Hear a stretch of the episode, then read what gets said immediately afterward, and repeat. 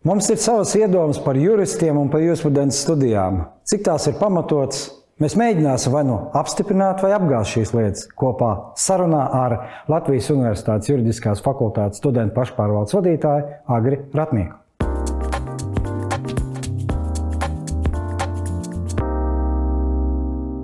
Agri, vai tu vari pastāstīt, kāpēc skolēni izvēlas studēt jurisprudenci un kas bija tavs motivators studēt jurisprudenci?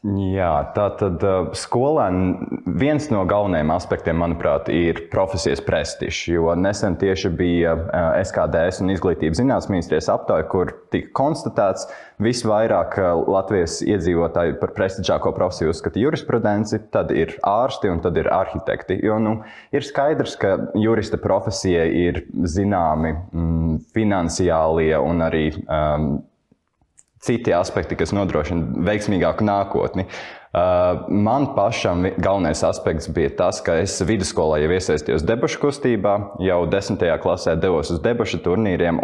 Savā ziņā tas ir ļoti līdzīgi kā jurisprudencē. Tā ir argumentācija, tā ir faktu meklēšana, tā ir um, informācijas apkopošana. Tas man radīja tādu priekšstatu, ka tas ir kaut kas, ar ko es vēlētos arī turpmāk dzīvē nodarboties. Vecāki nebija pie vainas. Nē, nē. Bet kur ir tas prestižs? Prestižs, es teiktu, tā, ka juristi Latvijas sabiedrībā nu, ir ļoti daudzās dažādās pozīcijās. Protams, ir klasiskās juridiskās profesijas, advokāti, pro, prokurori, tiesneši, bet ļoti liela daļa Latvijas, Latvijas redzamāko cilvēku ir ieguvuši juridisko izglītību un tālāk turpina to vai uzņēmējdarbībā, sevi realizēt, vai politikā. Tādējādi jurists tas asociējas ar tādu izglītotu un zinošu cilvēku. Bet vai tā nav iedoma? Nu. No filmām, piemēram, dārgas automašīnas, lieli honorāri. Nu, Es teiktu, ka nav iedoma, jo Latvijas juristi, protams, tā ir arī savā ziņā diezgan šaura cilvēku grupa, tā ir sava kopiena, tā teikt. Un šajā kopienā var redzēt, ka cilvēki, kuri ir izgājuši cauri jurisprudences studijām un arī uzbūvējuši veiksmīgu jurisprudences karjeru, uh, viņu dzīve ir arī pietiekami labi nodrošināta, pietiekami veiksmīga. Vismaz cik no malas var redzēt. Jautājums ir, vai šobrīd tā iedoma apstiprinās, jo es varu teikt, no prakses nav viss tik rožaini. Nu, man kā studentam, kas vēl tik, tikko sāksies darba gaisa, jau ir grūti spriest. Bet, uh, nu, kopumā es teiktu, ka, ja es skatos uz Latvijas juristiem, uh, es redzu augsta līmeņa profesionāļus ar viņu ļoti bagātīgām zināšanām un plašu pieredzi. Bet pats studiju process, vai tas atbilda tam, kas bija iedomāts? Bija jāmācās likumi no galvas, vai vēl kaut kas tāds, kā to visu? Jā, es, es atceros, vidusskolā es bieži dzirdēju to, nu, kā, kā tu domā, iet uz juristiem. Nu, tev taču būs visi garie likumi jāmācās no galvas. Bet uh, nu, es varu droši teikt, ka es likumus no galvas neesmu mācījies. Šādi vienkārši automātiski aiziet, ka tu jau zini, kuri panti atrodas kur. Uh, bet uh, tas no jurisprudences studijām, nu, ko es sagaidīju, bija zināšanas. Tas ir pats pirmais, bet tas, ko, kam es varbūt nebiju tik ļoti gatavs, ir vispār kā studiju process, kā tāds atšķiras no vidusskolas procesa. Jo vidusskolā mēs esam pieraduši no 8 līdz 4 tu sēdi stundās, tev ir 5 līdz 10 minūšu starpbrīži, un tad tu atnāc uz universitāti, un tev ir pusstunda brīva, divas ar pusstundas brīvas starp dienām. Bet tev pašam daudz patstāvīgāk jāmācās. Nu, es atceros, vidusskolā varēja pietiekami iztikt ar to, ko stundās dzirdēju, ko kontrolu darbos rakstīju, bet universitātē nu, tas, tas ir liels darbs ar sevi. Un es ceru, ka attaisnosies. Cik viegli bija pārslēgties no vidusskolas uz studiju procesu? Nu, tā kā es absolvēju vidusskolu 2020. gadā, attālinātos apstākļos, um, Pēc tam atnākot uz universitāti diezgan drīz, jau pārslēdzoties atkal uz attālinātajām studijām, šī pārēja varbūt bija maz, mazliet veiksmīgāka. Bet no otras puses, skatoties, tie praktiskie apsvērumi, kas ir tad, kad tu, nu, es, es dzīvoju un uzaugu cēsīs, un tāpēc man pēc tam pārvākties uz Rīgu un uzsākt studijas, tā bija cita pasaule pati par sevi. Bet nu, vienmēr studijas ir pirmajā vietā. Cik ir viegli studēt šobrīd pēc vidusskolas? Nu, no vienas puses skatoties, šobrīd studiju process ir mums, piemēram, attālināti, un tāpēc tam dēļ tā vide, kurā mēs uzturamies, ir attālinātās platformas, kas jau ir pazīstamas gadu gadiem mums.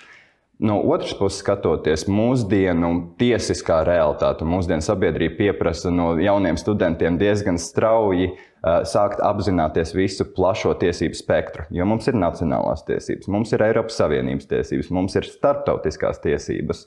Un tam dēļ ir ļoti ātri nepieciešams iegūt plašu redzesloku. Un ir noderīgi, ja cilvēkam jau pa dzīvi ir plašs redzesloks, bet jurisprudence un jurisprudences studijas noteikti to paplašina. Cik apmierina tas pats process? Ir kaut kādas lietas, kaut kāda izaicinājuma, ar ko nākas saskarties studentam? Nu, kā jau studentam, izaicinājumu ir pietiekami daudz, bet uh, kopumā studiju process mani apmierina. Uh, tas, ko es esmu dzirdējis no citiem studentiem, ka varbūt būtu noderīgāk, ja būtu arī jau bakalaura līmenī praktiskākas uh, nodarbības, nu, proti, uh, mēs, kā studenti, darbojamies semināros, kuros mēs atbildam uz jautājumiem, risinām dažādas uzdevumus, bet daudzi studenti uzskata, ka būtu nepieciešams arī uh, veidot kādus praktiskos darbus, nu, piemēram, rakstīt apsūdzības, vai rakstīt kādus lēmumu projektus, vai pašiem praktizēties uh, spriedumu rakstīšanā. Un studenti uzskata, ka tas ir tam, tam dēļ, pēc tam, kad tu dodies praksē, tu īsti nezini, kā uzrakstīt tās lietas, ko tu zini. Piemēram, mēs mācāmies, kas ir administratīvie akti, kas ir administratīvā akta pazīmes, bet ja šobrīd uz vietas man būtu jāuzraksta administratīvais akts, tas sagādās zināmas grūtības. Bet būs jau prakses iespējas pēc tam maģistratūras studijas laikā, vai jūs bišķiņ tā kā par ātru nesteidzaties? Nu, nu, varbūt tā ir mūsu tāda jaunieša īpatnība, ka mēs vēlamies lietas šeit un tagad un uzreiz, un tāpēc uh, liela daļa arī jau sāk strādāt bakalaura līmenī. Bet, protams, maģistra studijas, kur ir visas šīs trīs prakses - civiltieskā prakse, krimināltieskā prakse un administratīvtieskā prakse, lūk, tas ir tas brīdis, kurā tiešām nostiprinās šīs praktiskās zināšanas. Man tā kā reiz ir jautājums, vai nav par ātru bakalaura studiju laikā sākt strādāt? Ar ko tā, šī tendence ir saistīta? Šī tendence, protams, ir saistīta ar to, ka nu, ar materiāliem dzīves apstākļiem lielai daļai studentu, bet kaut kādā mērā tā ir arī vēlme sevi pierādīt. Jo studiju procesā mēs darbojamies bieži vien ar teorētiskajām zināšanām, kuras pēc tam gribas jau sākt izmantot praksē. Un, kopumā skatoties, uh, es nevarētu teikt, ka tas ir pats labākais sākt pirmajos divos kursos strādāt, jo tur tiek mācīti paši, paši pamati. Trešajā kursā, kad jau gatavojies bakalaura darba rakstīšanai, varbūt ir īstais brīdis, bet es esmu redzējis gadījumu, ka jau pirmajā, otrajā kursā sāk strādāt ar civilu procesu, kas ir jautājums, ko mēs tikai trešajā kursā apgūstam. Un tad ir jautājums, cik arī kvalitīvs students var veikt šo darbu, ja viņš visu apgūst tikai pašmācības veidā. Bet vai tur nav risks, ka strādājot, no, tiek atņemts laiks studijām, it sevišķi jau papildus ar studentu dzīvi arī jāatdzīvo? Jā, jā, noteikti. Es, es bieži vien apbrīnoju, kā tie studenti, kas vienlaikus gan mācās, gan strādā, vēl iesaistās aktīvi dažādās sabiedriskajās aktivitātēs, un plusā vēl studentu dzīve. Tas ir smags darbs, un pats sliktākais, manuprāt, ir tas, ka studenti sāk kavēt uh, lekcijas un seminārus, jo es, piemēram, esmu students, kas trīs gadus ir gājis uz gandrīz visām lekcijām un rūpīgi viņas pat stenogrammējis. Un tādā veidā man ir jau sevis izveidoti materiāli, uh, uz kuriem pēc tam es varēšu arī gatavoties iestāju eksāmenam, maģistros uh, balstīties, gan arī pēc tam jau dzīvē no tiem kaut kādas lietas piefiksēt.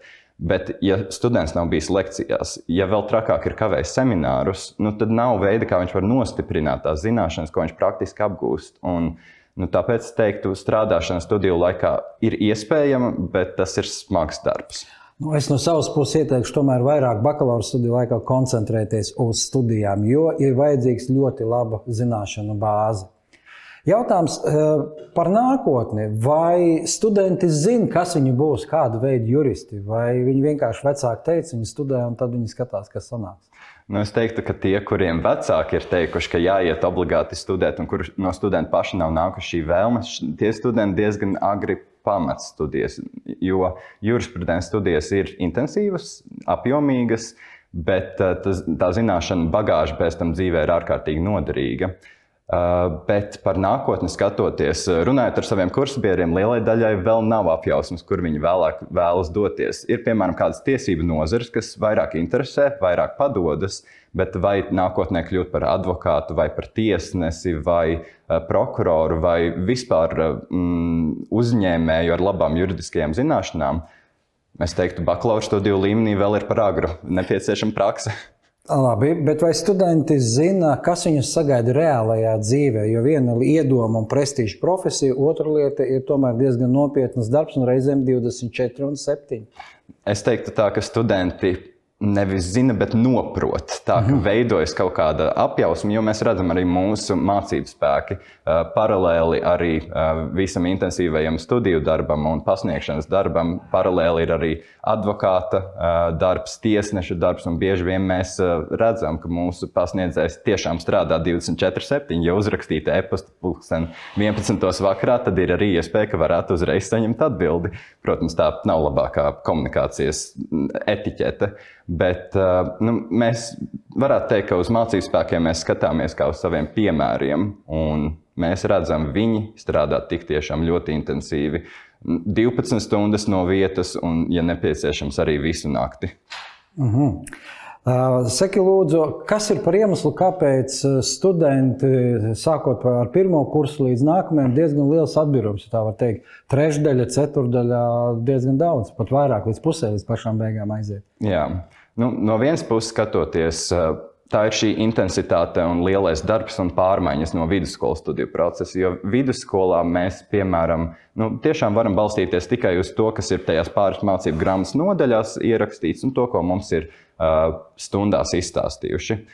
Universitātē tas ir milzīgs darbs ar sevi. Un ir dabiski, ja cilvēki saprot, ka varbūt jurisprudences virziens nav tas, ko viņi dzīvē vēlas, uh, Es esmu no atsevišķiem studentiem arī dzirdējis, ka viņi uzskata, ka jurisprudence ir ļoti formāla un pat sausa, bet tam es nevēlētos piekrist, jo, piemēram, tiesību norma interpretēšana, šo visu konceptu izzināšana ir ļoti radoša pat. Nu, es teiktu, ir kādi desmitiem risinājumu, ko, kurus no studentiem dažādas varētu sagaidīt, tad, kad tiek kāds kāzus uzdots. Nu, tik tiešām ir iespējams pareizos veidos nonākt pie vairākām atbildēm. Bet par atbirumu runājot, nu, ir arī daļa studentu, kuriem tiešām ir bijusi tā teikt. Tas grūdienis no malas, kāpēc viņi ir kļuvuši par jurisprudences studentiem. Un, nu, intensitāte, diemžēl, parāda viņiem, ka, nē, ja tu pats to nevēlies, tad gluži tas nav tas ceļš, ko iet. Bez tiesību norma interpretācijas, kas vēl uh, radīja tādu interesi vai pārsteigumu studiju procesa laikā? Nu, noteikti es varu teikt, ka mācību spēki. Mums ir juridiskajā fakultātē, Latvijas Universitātē, fantastiski mācību spēki. Es atceros, ka, piemēram, pirmdienā sēžu lekcijā pie kādas mūsu pasniedzējas, un jau nākamajā dienā skatos, ir ziņu speciāla izlaidums, kur viņa skaidro kādu spriedumu, kas tikko ir pieņemts. Tad mēs saprotam, ka mēs tiešām mācāmies no tiem, kas praktiski strādā ar to, ko viņi māca. Tas bija iespaidīgi, un man ir tiešām prieks būt Latvijas Universitātes juridiskās fakultātes studentam. Tālāk skatoties, jā, kas man vēl tādu ļoti pārsteidza. Nu, protams, ir arī šis grafiks un pārmaiņas no vidusskolas, ko es jau minēju. Un arī tie fantastiskie cilvēki, kurus satiec juridiskajā fakultātē. Mūsu, mani kursa biedri, viņi ir ļoti spējīgi, un es ticu, ka nākotnē viņi arī būs izcili savus jomas profesionāļi. Man ir bijis liels prieks ar viņiem arī strādāt studentu pašpārvaldē un mācīties visus šos gadus. Pozitīva noskaņa, laba lieta, bet vai ir zināms, kas sagaida juristus nākotnē? Ir pētījums, kas pasaka, ka nākotnē vismaz par vienu trešdaļu samazināsies juristu daudzums, pieprasījums sakarā ar digitalizāciju un jaunām tehnoloģijām. Vai tas tevi un tavus kursu biedrus nebaida? Nu, es esmu redzējis arī šķiet, eh, ziņas, ka tikko kāds čata eh, mākslīgās inteligences robots nokārtoja jurista kvalifikācijas eksāmenu ASV vai kaut ko tādu. Bet Man tas nebiedē, tāpēc, ka um, ir ļoti daudz vērtību jautājumu jurisprudencē, kurus var atrisināt tikai dzīves cilvēks. Nu, matemātiski formulas ir labas, bet nevienmēr tās tikai strikti sekojot formulai, var nonākt pie pareizā risinājuma. Kādā brīdī ir arī jāiziet ārpus formulas. Un, manuprāt, tikai cilvēks spēj identificēt, kurā brīdī no šīs noteiktās metodoloģijas, vai noteiktās formulas, vai noteiktās kārtības ir nepieciešams iziet, lai nonāktu pie paša taisnīgākā risinājuma. Jo mums ir daudz šādu jēdzienu, kas ir uh, vēl piepildām ar saturu, uh, brīvība, vienlīdzība. Uh, taisnīgums, un to spēj vislabāk tikai vienīgs cilvēks.